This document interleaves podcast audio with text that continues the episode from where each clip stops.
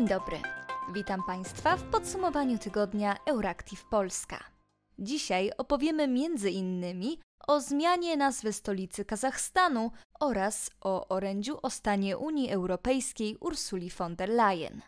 Nazywam się Patrycja Gosk, a w wirtualnym studiu jest też Bartosz Sieniawski. Wydawczynią podcastu jest Kinga Wysocka. Już od ponad 10 lat szefowie Komisji Europejskiej przedstawiają w Parlamencie Europejskim raz w roku orędzie o stanie Unii. Przewodnicząca Komisji Ursula von der Leyen wygłosiła orędzie po raz trzeci. W wygłoszonym 14 września orędziu o stanie Unii przewodnicząca Komisji Europejskiej podsumowała ubiegłoroczne działania kierowanej przez nią komisji i przedstawiła plany na przyszły rok. Ostatni rok upłynął w dużej mierze pod znakiem sytuacji wokół Ukrainy. 24 lutego Władimir Putin rozkazał swoim żołnierzom rozpocząć inwazję na sąsiedni kraj. Tysiące ludzi zginęło, a miliony musiały opuścić Ukrainę i znalazło schronienie w państwach Unii Europejskiej. Nigdy wcześniej nie debatowaliśmy o stanie Unii w sytuacji wojny na kontynencie europejskim, stwierdziła przewodnicząca Komisji Europejskiej. Dziś odwaga ma imię, a jej imię to Ukraina. Odwaga ma oblicze, a są nim Ukraińcy i Ukrainki, przeciwstawiający się rosyjskiej agresji, powiedziała von der Leyen. Przewodnicząca komisji podkreśliła, że unijne sankcje na Rosję działają i nie ma możliwości, by zostały złagodzone. Rosyjski sektor finansowy ledwo żyje. Odcięliśmy 3 czwarte rosyjskiego sektora bankowego od rynków międzynarodowych. Prawie tysiąc przedsiębiorstw międzynarodowych opuściło kraj. Produkcja samochodów spadła o 3 czwarte w porównaniu z ubiegłym rokiem. Samoloty aeroflotu są uziemione, ponieważ nie ma już części zamiennych. Rosyjskie wojsko wyjmuje chipy ze zmywarek i lodówek, aby naprawić swój sprzęt wojskowy, ponieważ nie ma już półprzewodników. Rosyjski przemysł jest wyniszczony, dodała.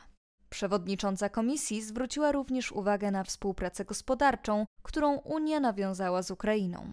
W marcu udało się przyłączyć Ukrainę do naszej sieci energetycznej. Miało to nastąpić w 2024 roku, lecz dokonaliśmy tego w dwa tygodnie. Obecnie Ukraina eksportuje do nas energię elektryczną. Chce znacznie rozszerzyć ten wzajemnie korzystny handel, powiedziała. W trakcie środowego wystąpienia Ursula von der Leyen zwróciła uwagę na konieczność przeprowadzenia transformacji energetycznej. Dobra wiadomość jest taka, że ta potrzebna transformacja już się zaczęła. Zachodzi ona na Morzu Północnym i Morzu Bałtyckim, gdzie państwa członkowskie Unii Europejskiej zainwestowały ogromne środki w morskie elektrownie wiatrowe, czy na Sycylii, gdzie największy w Europie zakład produkcji paneli słonecznych wypuści wkrótce na rynek najnowszą ich generację, powiedziała. Ursula von der Leyen w orędziu podkreśliła rolę Europejskiego Zielonego Ładu i zapowiedziała, że Unia będzie dążyć do wypracowania międzynarodowego porozumienia mającego na celu ochronę przyrody. Musimy bezustannie pracować nad przystosowaniem się do zmiany klimatu, a z przyrody uczynić naszego głównego sojusznika. Dlatego też podczas konferencji ONZ na temat bioróżnorodności, która odbędzie się w tym roku w Montrealu, Unia będzie dążyć do ambitnego globalnego porozumienia na rzecz przyrody. To samo zrobimy na konferencji COP27 w Sharm el-Sheikh, powiedziała. Pod koniec orędzia Ursula von der Leyen przedstawiła zgromadzonym dwie Polki. Magdalenę i Agnieszkę, które od razu po wybuchu wojny w Ukrainie zorganizowały punkt pomocy uchodźcom na dworcu centralnym w Warszawie. Magdalena i Agnieszka to dwie bezinteresowne młode kobiety z Polski. Gdy tylko usłyszały o pociągach pełnych uchodźców, pospieszyły na dworzec centralny w Warszawie. Zaczęły się organizować. Rozstawiły namiot, by pomóc jak największej liczbie osób. Zorganizowały żywność z supermarketów, zwróciły się do władz lokalnych o zapewnienie autobusów do punktów recepcyjnych. W ciągu kilku dni zebrały wokół siebie 3000 wolontariuszy, którzy pomagali przyjmować uchodźców 24 godziny na dobę przez 7 dni w tygodniu, powiedziała przewodnicząca komisji. Podziękujmy też wszystkim obywatelom Europy, którzy otworzyli swoje serca i swoje domy. To oni czynem pokazali, z czym Unia się identyfikuje i do czego dąży. Pokazali serce, charakter i solidarność. Pokazali wszystkim, co my, Europejczycy, możemy osiągnąć, jeżeli zjednoczymy się wokół wspólnej misji, dodała von der Leyen. To właśnie jest duch europejski. Unia, która jest silna jednością. Unia, która wspólnie pokonuje przeciwności. Niech żyje Europa, zakończyła.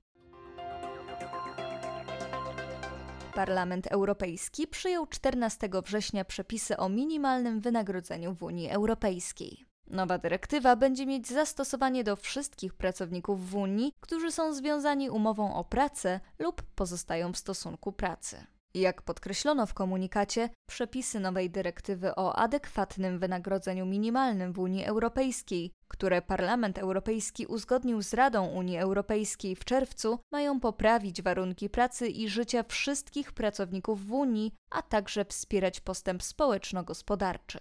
W przepisach określono minimalne wymogi adekwatności minimalnego wynagrodzenia, które przewiduje prawo krajowe lub które ustalono w drodze negocjacji zbiorowych. Przepisy te będą też lepiej chronić prawo pracowników do minimalnego wynagrodzenia. Czytamy w komunikacie prasowym. Nowa dyrektywa będzie mieć zastosowanie do wszystkich pracowników w Unii Europejskiej, którzy są związani umową o pracę lub pozostają w stosunku pracy. Państwa członkowskie, w których minimalne wynagrodzenie gwarantuje się wyłącznie w drodze negocjacji zbiorowych, nie będą musiały wprowadzać ustawowego wynagrodzenia minimalnego. Nie będą też musiały zapewnić powszechnego stosowania przepisów dyrektywy.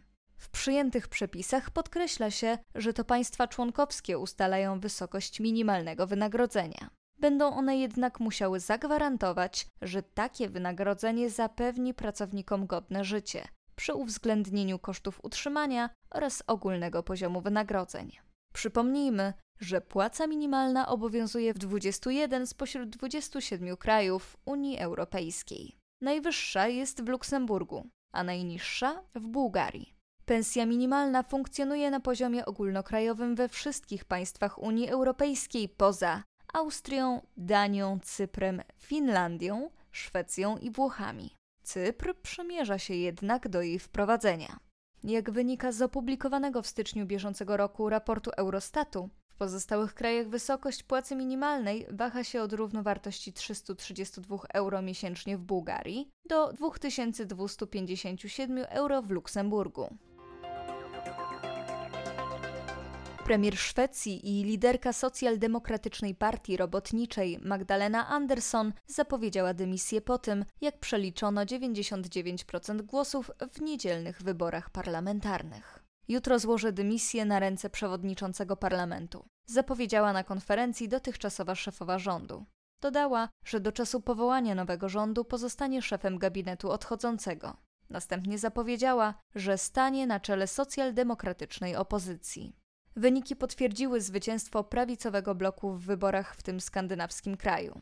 Dzięki mandatom zdobytym przez skrajną prawicę, konserwatyści, chadecy i liberałowie mają większość w Riksdagu. Mają 176 posłów, o trzech więcej niż cztery partie z lewicowej koalicji socjaldemokratów, Partii Ochrony Środowiska Zielonych, Partii Lewicy oraz Partii Centrum. Przypomnijmy, że socjaldemokratyczna partia robotnicza straci władzę po niedzielnych wyborach mimo zdobycia 30,4% głosów, co oznacza wzrost o ponad 2% w stosunku do poprzednich wyborów 4 lata temu. Premier podkreśliła, że w przypadku, gdy blok prawicowy nie będzie w stanie osiągnąć porozumienia, wszystkie siły polityczne, poza skrajną prawicą, będą miały otwarte drzwi do jej biura.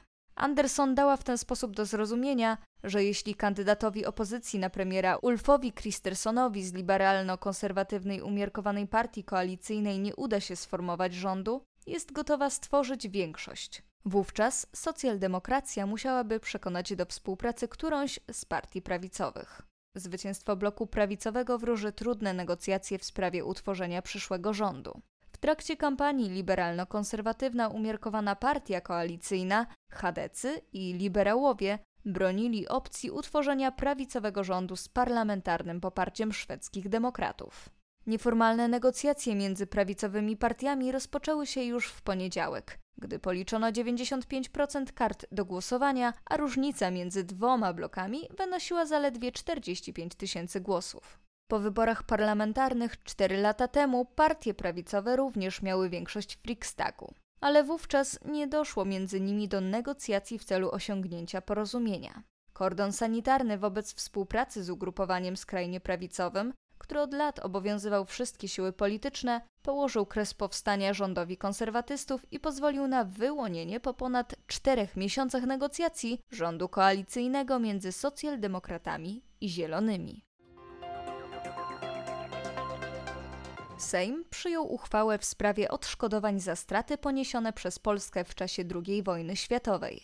Tekst autorstwa posłów PiS, KO i PSL, w którym słowo reparacje zamieniono na zadośćuczynienie, przyjęła zdecydowana większość posłów. Ministerstwo Spraw Zagranicznych zapowiedziało wysłanie do Niemiec oficjalnej noty w tej sprawie już w przyszłym miesiącu.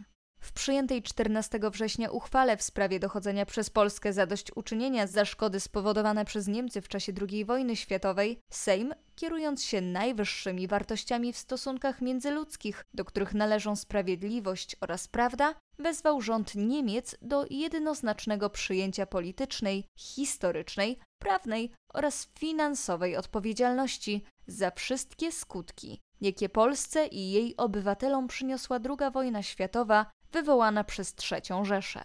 Posłowie zwrócili uwagę, że Polska nie zrzekła się roszczeń wobec Niemiec, ale na wniosek opozycji podkreślili również, że nasz kraj nie otrzymał rekompensaty za straty poniesione w wyniku agresji sowieckiej. Stwierdzili mianowicie, że Polska nie otrzymała dotychczas stosownej kompensaty finansowej i zadośćuczynienia za straty materialne i niematerialne poniesione przez państwo polskie podczas II wojny światowej w wyniku agresji Związku Socjalistycznych Republik Sowieckich. Sejm podkreślił, że odpowiedniego zadośćuczynienia wymaga również ogrom krzywd wyrządzonych obywatelom Polski. Ukraińcy pod koniec sierpnia rozpoczęli kontrofensywę na południu swojego państwa, chcąc odbić zajęte przez Rosjan miasto Hersoń. Nikt nie spodziewał się, że prawdziwa kontrofensywa przez duże K miejsce będzie miała w regionie Charkowa, na północnym wschodzie kraju. Długo i głośno zapowiadana kontrofensywa na południu okazała się być najprawdopodobniej akcją dezinformacyjną, mającą odciągnąć siły rosyjskie z dala od prawdziwego celu wojsk ukraińskich, od rejonów Charkowa.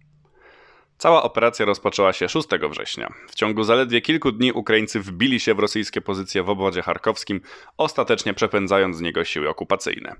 I tak, przepędzając to dobre określenie. Rosjanie nie przeprowadzali taktycznych odwrotów, a pospieszne ucieczki, pozostawiając za sobą sprzęt militarny, broń i pojazdy wojskowe. Ukraińcy w ciągu pięciu dni odbili więcej terenu niż Rosjanie zajęli w pół roku. W ukraińskie ręce powróciły takie miejscowości jak Izium, Szewczankowe, Kupiańsk czy Balaklija, której odbicie miało zająć Ukraińcom 17 minut. Internet zalewają zdjęcia i nagrania zwycięskich manewrów Ukraińców, momentów, w których z dachów budynków administracji zrzucane zostają rosyjskie flagi, a zawieszone są ukraińskie, czy wzruszonych cywili wyzwolonych spod rosyjskiej administracji wojskowo-cywilnej. W odbitych miejscowościach znajdowane są masowe growy cywilów oraz miejsca, w których byli przetrzymywani i torturowani przez Rosjan. Do miasta Izium odbitego w tym tygodniu przybył nawet prezydent Ukrainy Wołodymyr Zełański, aby pogratulować żołnierzom. Izium i ogólnie region północno-wschodni Ukrainy były kluczowymi miejscami rosyjskiej logistyki militarnej. To tędy z Rosji dojeżdżało zaopatrzenie do wojsk walczących w Donbasie czy w obwodzie hersońskim.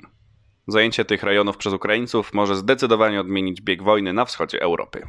Kontrofensywa charkowska jest wielkim sukcesem Ukrainy, która przeprowadziła ją dzięki wsparciu wywiadowczemu USA. Po miesiącach stagnacji na froncie w Donbasie porażka Rosjan dodała Ukraińcom otuchy i kurażu, a także chęci do dalszej walki i odbijania swoich ziem. Pojawia się jednak pytanie: jak na porażkę zareaguje Rosja, która nie może pozwolić sobie na przegranie wojny w Ukrainie? Pamiętacie Państwo Astanę, stolicę Kazachstanu? W 2019 roku miasto przemianowano na Nur-Sultan, na część odchodzącego na emeryturę wieloletniego prezydenta Kazachstanu Nur-Sultana Nazarbajewa. Pojawił się jednak projekt powrotu do oryginalnej nazwy miasta, którą poparł sam następca Nazarbajewa, prezydent Kasym Żomart Tokajew. Nazarbajew twardą ręką rządził Kazachstanem od 1991 do 2019 roku. Choć trzy lata temu ustąpił ze stanowiska głowy państwa, wciąż pozostawał istotnym politykiem w kraju, posiadającym wiele wpływów. To zmieniło się po demonstracjach w Kazachstanie na początku tego roku, które zostały stłumione przy pomocy wojsk rosyjskich. Prezydent Tokajew poparł powrót do zmiany nazwy stolicy państwa z Nur-Sultan do poprzedniej. Wsłuchał się bowiem w głosy ludzi podczas spotkań z mieszkańcami przed referendum, oświadczył prezydencki rzecznik Ruslan Żełdibaj. Zastrzegł jednak, że Tokajew nadal uważa de decydującą rolę prezydenta Nazarbajewa w umacnianiu niepodległości Kazachstanu oraz rozwoju stolicy. Nareszcie chciałoby się rzec, słysząc, że Amerykanie przedstawili Polsce ofertę budowy sześciu wielkoskalowych reaktorów jądrowych w planowanej w naszym kraju elektrowni atomowej. Polska do 2033 roku ma uruchomić pierwszą tego typu placówkę. Jako potencjalne miejsce jej budowy wybrano nadmorską gminę Heumno. Jednak zbudować elektrownię jest prosto, trudniej jest sprawić, żeby rzeczywiście generowała prąd. Do tego potrzebne są reaktory, a w Polsce firm produkujących tego typu maszyny brak. Z pomocą Polakom chciały przyjść firmy południowo-koreańskie, francuskie i amerykańskie. Wiele wskazuje na to, że to te ostatnie doświadczą zaszczytu sprzedania nam reaktorów atomowych.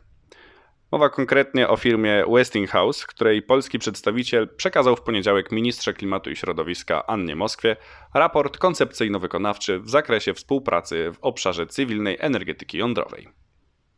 Nad całością przedsięwzięcia czuwał ambasador USA w Polsce Mark Brzeziński. Ze współpracy z Amerykanami zadowolony jest resort Anny Moskwy, który w komunikacie nazwał jej projekt szczegółową mapą drogową prowadzącą do budowy reaktorów z amerykańską technologią. Na granicy między Kirgistanem a Tadżykistanem doszło do strzelaniny, w której zginął tadżycki pogranicznik. A na spotkaniu prezydenckim między głowami państw Rosji i Kirgistanu to Władimir Putin czekał na Sadyra Dżaparowa. Do najważniejszego wydarzenia doszło jednak w nocy z 12 na 13 września, kiedy to Azerbejdżan zaatakował Armenię. To eskalacja trwającego od lat konfliktu w górskim Karabachu. O godzinie 5 po północy we wtorek Azerbejdżan rozpoczął intensywne bombardowanie z użyciem artylerii i broni dużego kalibru przeciwko armeńskim posterunkom wojskowym. Brzmi komunikat Ministerstwa Obrony Armenii. Kraj ten oficjalnie zwrócił się o pomoc militarną do Rosji. Azerbejdżan stwierdził, że przyczyną walk była zakrojona na szeroką skalę próba sabotażu ze strony Armenii. Dywersanci mieli zaminować linię zaopatrzenia azerskiej armii. Oświadczenia o inwazji określa absurdem. Wojna nie zdążyła porządnie się zacząć, a już 15 września i Azerbejdżan i Armenia pod wpływem międzynarodowych starań zgodziły się podpisać rozejm. Walki może nie trwały za długo, ale pozwoliły Azerom i Ormianom na zorientowanie się, w jakiej sytuacji znajdują się obecnie, kiedy Federacja Rosyjska nie domaga na froncie w Europie i nie ma jak być policjantem dla Azji Środkowej i Zakaukazia. To już wszystko w dzisiejszym podsumowaniu tygodnia redakcji Euractiv Polska. Życzymy Państwu miłego weekendu.